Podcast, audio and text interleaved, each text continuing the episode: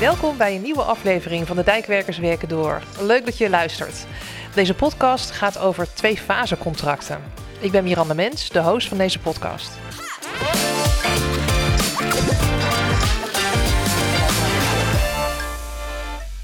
Waterschap Rivierenland heeft een grote dijkversterkingsopgave binnen het hoogwaterbeschermingsprogramma. Tijdens de Dijkwerkers on Tour hebben bezoekers het project Wolveren Sprok bezocht, waar wordt gewerkt met het zogenoemde twee-fase-contract. Het waterschap vormt hier een consortium met een ingenieursbureau en een aannemer vanaf het prille begin. Volgens Paul van Dijk, senior contractmanager bij Waterschap Rivierenland, is dit de ideale manier om aan te besteden. Hij ontwikkelde er een speciaal model voor. Paul, welkom. Dankjewel. Voordat je ons meer gaat vertellen over het twee-fase contractmodel, willen we graag iets meer weten over jou. Uh, wat is je achtergrond? Ja, mijn achtergrond is dat ik uh, bouw- en uh, bedrijfskunde heb gestudeerd aan de TU in Eindhoven. en vanaf toen bij verschillende werkgevers heb gewerkt, zoals Van Noord, Arcades en ook nog een kleiner adviesbureau. En um, de laatste jaren vooral betrokken geweest bij de wat meer innovatieve aanbestedingen van hoogwaterbeschermingsprojecten. Uh, ik zag dat er uh, waterschappen voortouw namen in uh, innovatieve aanbestedingen en eigenlijk steeds vroeger met de markt gingen samenwerken. Um, wat ik een hele positieve ontwikkeling vond. En zo positief dat ik ben begonnen met het ontwikkelen van een twee-fase contractmodel omdat ik vind dat er te veel geld wordt verspild, te veel maatschappelijk geld. Dus zowel van publiek als privaat bij de aanbestedingen, maar ook bij uh, de projecten zelf. Ja, en kan je uitleggen wat dat twee-fase contractmodel inhoudt?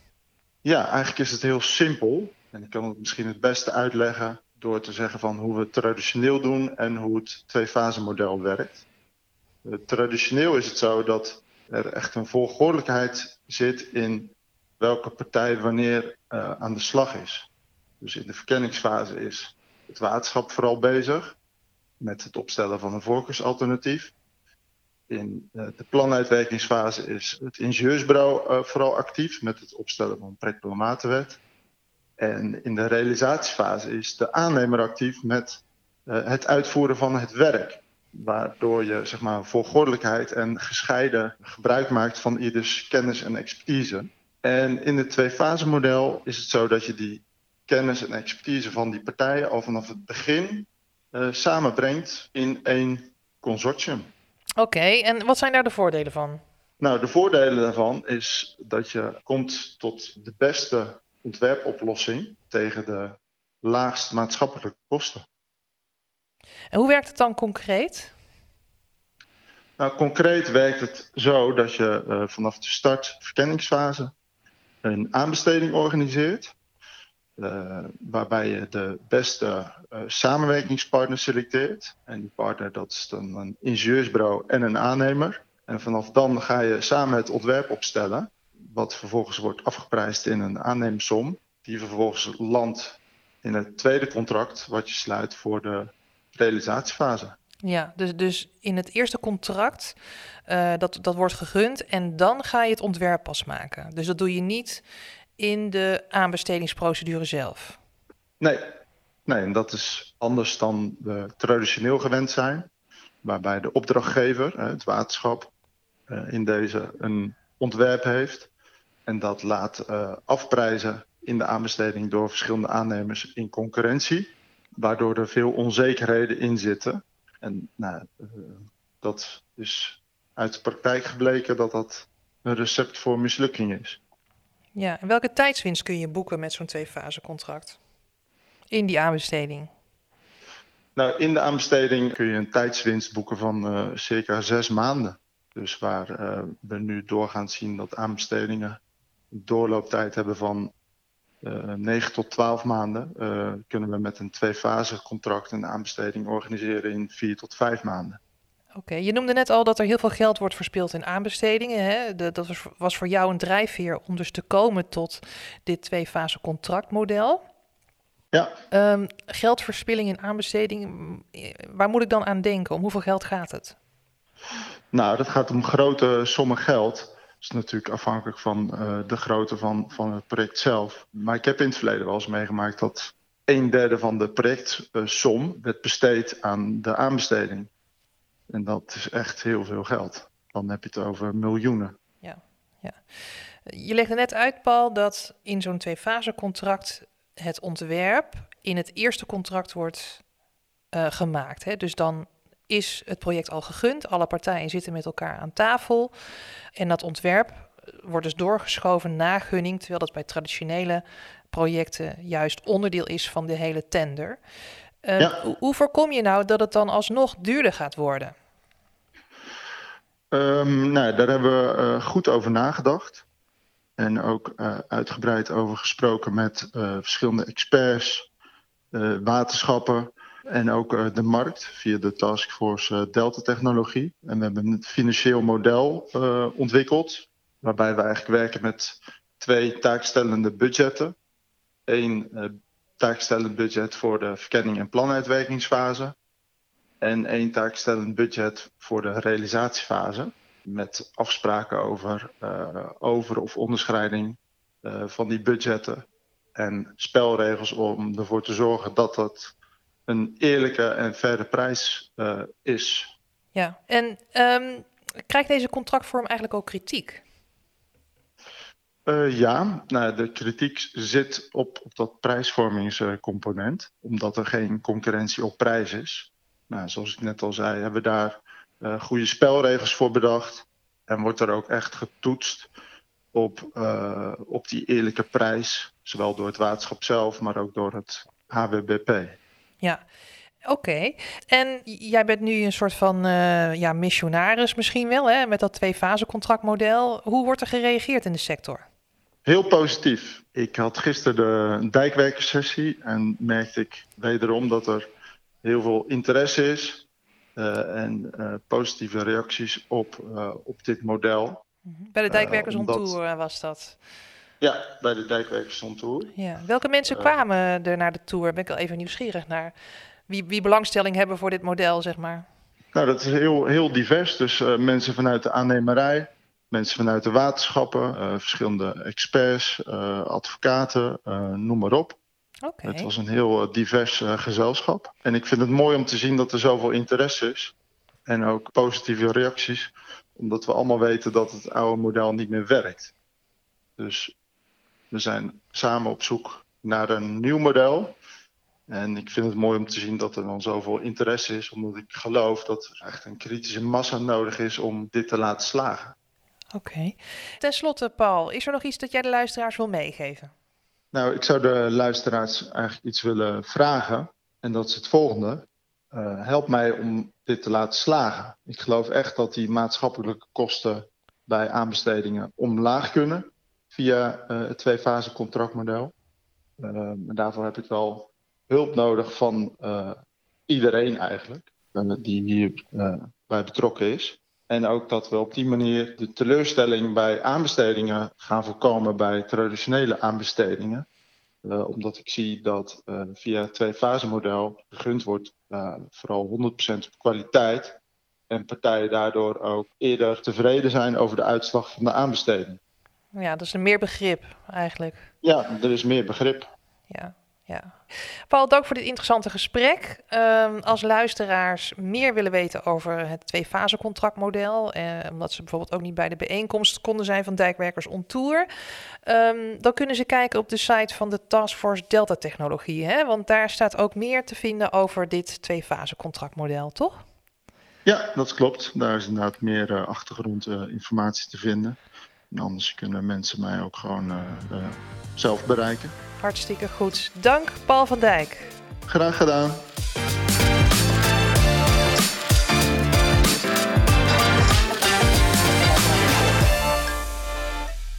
Volgens Paul van Dijk is het twee-fase-contract in veel gevallen een ideale manier om samen te werken. We bellen nu met Andrea Vollebrecht, directeur van de Vereniging van Waterbouwers. En zij spant zich in om de doorlooptijden van aanbestedingen te verkorten, zodat de markt uh, minder geld en uiteindelijk ook tijd verliest. Andrea, wat vindt jouw achterban, hè? Die, die bedrijven, die waterbouwers, wat vinden die nou van het twee-fase-contract? Nou, het twee-fase-contract is natuurlijk nog relatief nieuw um, en moet ook nog wat breder toegepast gaan worden. Maar de eerste reacties zijn eigenlijk overwegend positief. Uh, dat komt omdat um, ja, men het idee heeft dat hiermee vooral de kwaliteit boven komt drijven. Dat je als opdrachtnemer of potentieel opdrachtnemer veel meer expertise aan de voorkant in kunt brengen. En uh, door het samenwerken en het samen nadenken met die opdrachtgever. Um, aan de voorkant veel beter kunt nadenken over die uitvoeringsfase. En ook de risico's die erbij behoren. En dat leidt uiteindelijk tot een, um, nou ja, een, een goede prijs. Hè, want je neemt in, um, uh, aan het einde van de ontwerpfase ook uh, leg, je, leg je een, een prijs vast. Hè, kom je tot een prijsvorming waarin ook risicobudgetten zijn vastgelegd en uh, marges en uh, de AK-waarden. Dus de eerste reacties daarop zijn erg positief. Zoals gezegd, je kunt aan de voorkant kun je meedenken met een opdrachtgever en je expertise al heel snel inbrengen. en dat resulteert in een kwalitatief goed ontwerp. Daarvan ja. zijn we overtuigd. Ja. Precies. Maar het past niet bij elk project, hè? Nee, ik, ik denk uh, projecten waarbij um, uh, weinig uh, ontwerp nodig is, of waar van tevoren al heel duidelijk is wat, wat er moet gebeuren, en bijvoorbeeld weinig um, innovatie in zit. Ja, daar is dit een, een redelijk complexe en een um, intensieve contractvorm, die dan niet nodig is. Ik denk dat een twee-fase contract vooral veel meerwaarde biedt bij projecten die complex zijn, die veel innovatie vragen, veel expertise expertise uh, inbrengt van beide partijen nodig hebben. Uh, dus ik denk dat uh, inderdaad twee contract niet voor elke, elke tender het best passend is. Zeker ook omdat het een intensieve vorm is, waar je dus zoals gezegd aan de voorkant veel tijd aan besteedt, samen als opdrachtgever en opdrachtnemer. Um, en nou, het vraagt ook best veel van de opdrachtnemer. Hè. Het is een nieuwe vorm waarbij ook ja, wat ik dan noem de factor mens um, heel belangrijk is. Er wordt niet alleen alleen maar gekeken, gekeken naar de inhoud en de expertise, maar ook zeker um, uh, naar uh, menselijke competenties.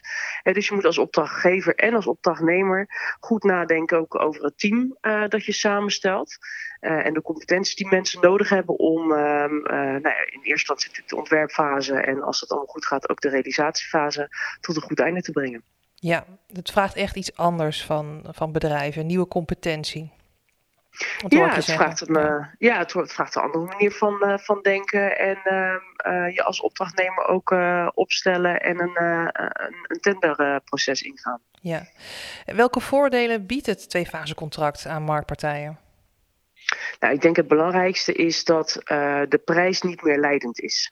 Um, aan de voorkant wordt in principe geen prijs meegegeven, waardoor je als opdrachtgever en opdrachtnemer van beide kanten gezamenlijk kunt nadenken over de opgave die er ligt over de best mogelijke of de best passende oplossing die daarbij hoort. Uh, zonder dat je nou, gehinderd wordt door een plafondprijs bijvoorbeeld.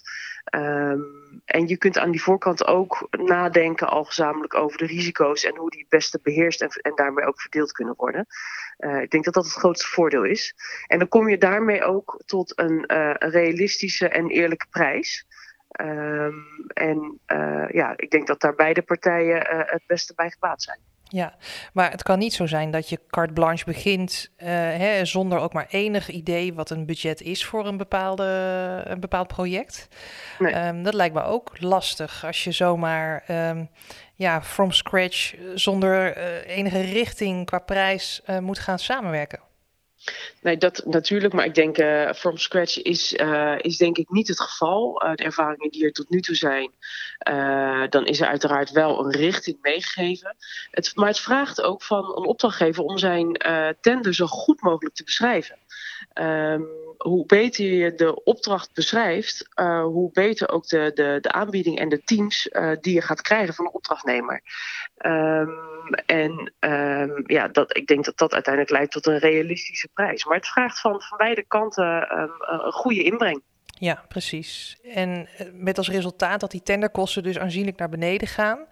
Nou, dat, dat heeft natuurlijk ook maatschappelijke meerwaarde. Uh, hoe, zwaar drukken die tenderkosten op um, bedrijven? Zeker in deze economisch lastige tijden.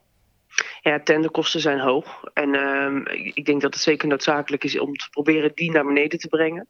Um, ja, het zijn kosten. En uh, kosten drukken altijd op een bedrijfsvoering. En uh, ja, die maak je en die kun je dus niet aan, andere zaken uitgeven. Dus zo, uh, hè, het, is, het is noodzaak om die tenderkosten naar beneden te brengen. en ik denk dat het ook wederom voor beide partijen ehm, goed is. Hè? het, zijn, het is geld wat je aan, aan andere zaken kunt besteden. Ja, ja, precies. Wat je eerder ook eh, omschreef aan mij, hè, die lange doorlooptijden tot gunning, dat is een doorn in het oog voor veel bedrijven. Het duurt heel erg lang, het is ook onzeker. Uh, voor, voor organisaties. Wet je op het goede paard. Uh, je kunt mhm. ook niet aan te veel tenders meedoen. Want stel, als ze allemaal jouw kant op komen, nou, dan moet je natuurlijk ook qua materieel en, en qua menskracht daaraan kunnen voldoen. Hoe, ja. hoe zit dat? Nou, ik denk dat de doorlooptijd van een twee-fase-contract aan de voorkant uh, relatief lang is. Hè. Het is een intensief traject wat je uh, als opdrachtgever en opdrachtnemer met elkaar ingaat. Um, maar ik denk dat het overal, dus als je ook de uitvoeringsfase meetelt, dat je uiteindelijk um, een snellere doorlooptijd hebt. Omdat je aan de voorkant al veel meer met elkaar nadenkt van wat is nou de opgave die we hebben, welke oplossingen passen daarbij, wat is de beste uitvoering, welke risico's kunnen we benoemen uh, en hoe kunnen we die het beste beheersen. Dus het vraagt aan de voorkant iets langere doorlooptijd. Um, en dat legt uiteraard ook een beslag uh, op, op de organisaties, zowel opdrachtnemer als opdrachtgever. Maar ik denk aan de, uh, aan de achterkant, hè, dus op het moment dat de uitvoering begint, heb je daar een snellere doorlooptijd en daarmee ook lagere kosten.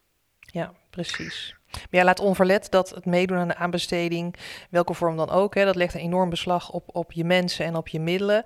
Uh, ja. En dus als bedrijf moet je gewoon kritisch nadenken waar je uh, aan begint en waar je, wat je aan je voorbij laat gaan, kan ik me voorstellen. Ja, zeker. zeker. Je moet, uh, je moet inderdaad goed nadenken op, uh, op welke paarden je gaat wedden, zeg maar. Ja. Dat vraagt ook een, uh, een goede beschrijving van, van het project, van het werk. Hè, door een opdrachtgever. Want hoe beter de beschrijving, hoe beter een opdrachtnemer kan inschatten um, wat het van hem vraagt en welke prijs hij neer moet leggen. Um, en ja, dat, dat is elke keer wel een afweging die, die je als, als waterbouwer moet maken. Ja, snap ik. André, en waar maken jullie als vereniging nu met name zorgen over? Ja, dat is toch de dealflow. Hè? Dus de, de hoeveelheid werk. Hè? Ordeportefeuilles moeten gevuld worden en blijven. Zeker voor 2021 maken we ons daar grote zorgen over. Um, ja, er moet gewoon meer werk op de markt komen om iedereen uh, goed aan het werk te houden. En uh, geen beroep te moeten doen op, uh, op steunmaatregelen. Ja, want als die ordeportefeuille zo blijft, zoals die nu eruit ziet in 2021, wat gebeurt er dan?